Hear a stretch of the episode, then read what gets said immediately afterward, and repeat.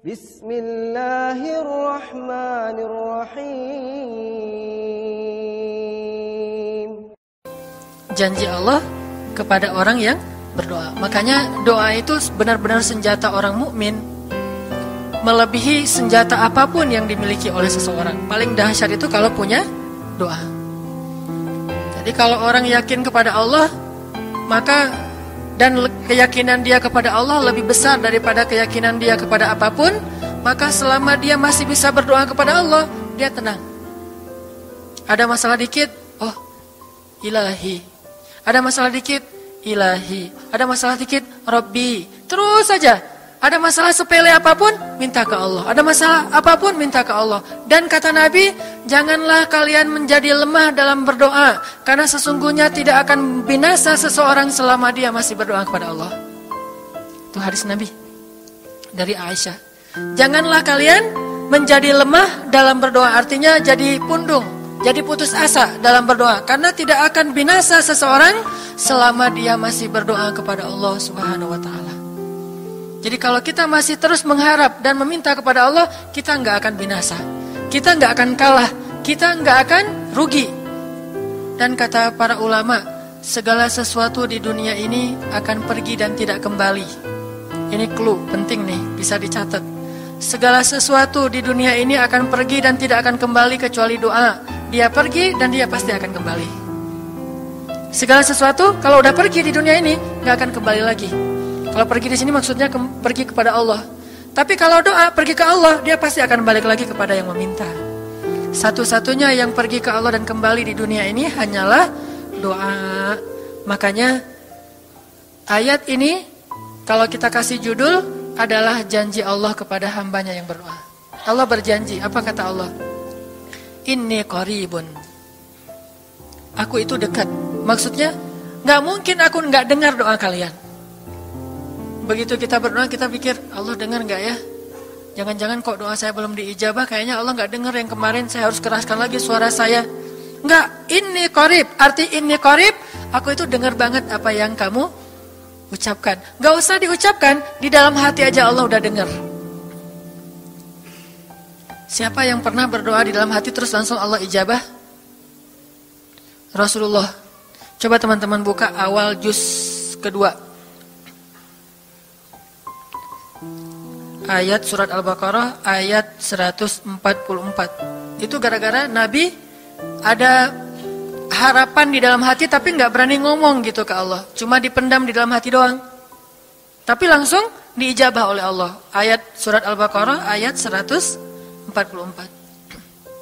Allah berfirman, "Qad nara taqalluba wajhika fis samaa" فلنولينك قبلة ترضاها فول وجهك شطر المسجد الحرام وحيث ما كنتم فولوا وجوهكم شطرة وإن إن الذين أوتوا الكتاب ليعلمون أنه الحق من ربهم وما الله بغافل عما يعملون Jadi ceritanya orang Yahudi suka menghina kaum muslimin gara-gara orang Islam kalau sholat waktu itu masih menghadap ke Al-Aqsa, Palestina. Jadi kata orang Yahudi itu lihat orang Islam mah fake. Suka niru.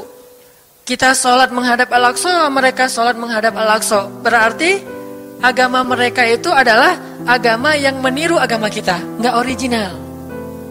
Sering diperolok-olok setiap kaum muslimin sholat dihina sama mereka.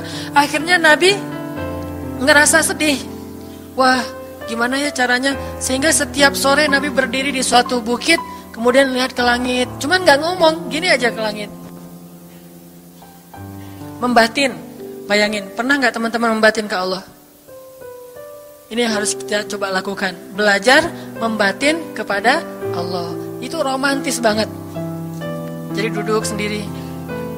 Allah, ngomong gitu dalam hati. Dan yakinlah ini korib Allah tuh dengerin. Jangan pikir saya kayak ngomong sendiri eh kayak orang kurang apa waras. Enggak, Allah itu mendengar. Jadi kita batin aja sama Allah, ngomong dalam hati, "Ya Allah, saya tuh lagi gini, ada masalah." Ngomong dalam hati kita. Please Allah, please gitu ya.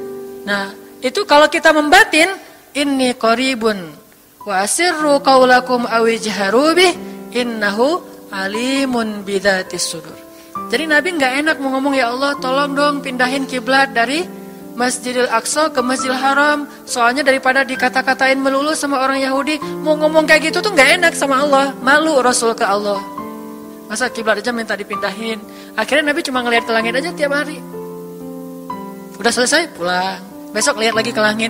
Turunlah ayat ini. Sesungguhnya kami telah melihat bagaimana kamu selalu menengadahkan wajahmu ke langit. Maka kami palingkan kiblat ke arah yang kamu sukai. Coba lihat. Turun wahyu untuk merespon doa Nabi yang bahkan belum diverbalkan. Belum diucapkan dengan kata-kata tapi Allah udah ngerespon. Gimana caranya biar kita bisa kayak gitu?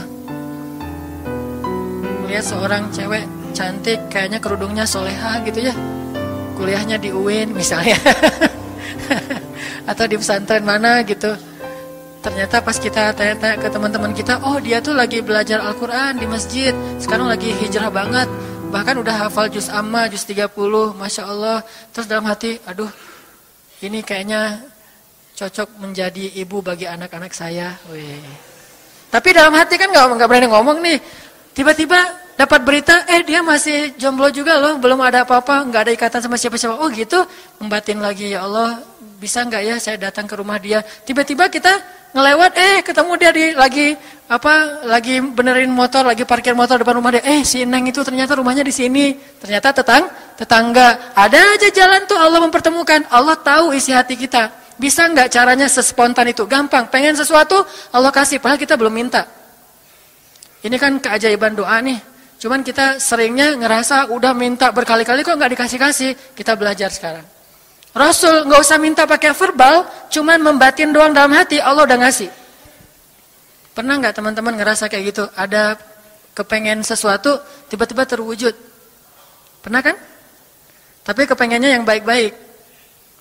Pengen misalnya, aduh saya pengen banget umroh, cuman mau ngomong kayak gitu mah, saya mah orangnya kayaknya nggak mungkin bisa umroh kalau ngandalin harta orangnya nggak mampu, kerjanya juga pas-pasan, gimana mau umroh untuk makan aja susah. Tapi pengen banget dalam hati kita. Dan itu rindunya tuh rindu banget setiap kali ngelihat uh, video atau tayangan di TV tentang umroh dan haji, menitikkan air mata, saking kangennya ke Baitul, ke Baitullah. Allah tahu itu dalam hati kita. Tiba-tiba ada ada jalan, ada aja jalannya. Dan bisa dikasih sedekah, bisa juga hadiah, bisa juga door prize, bisa juga macam-macam.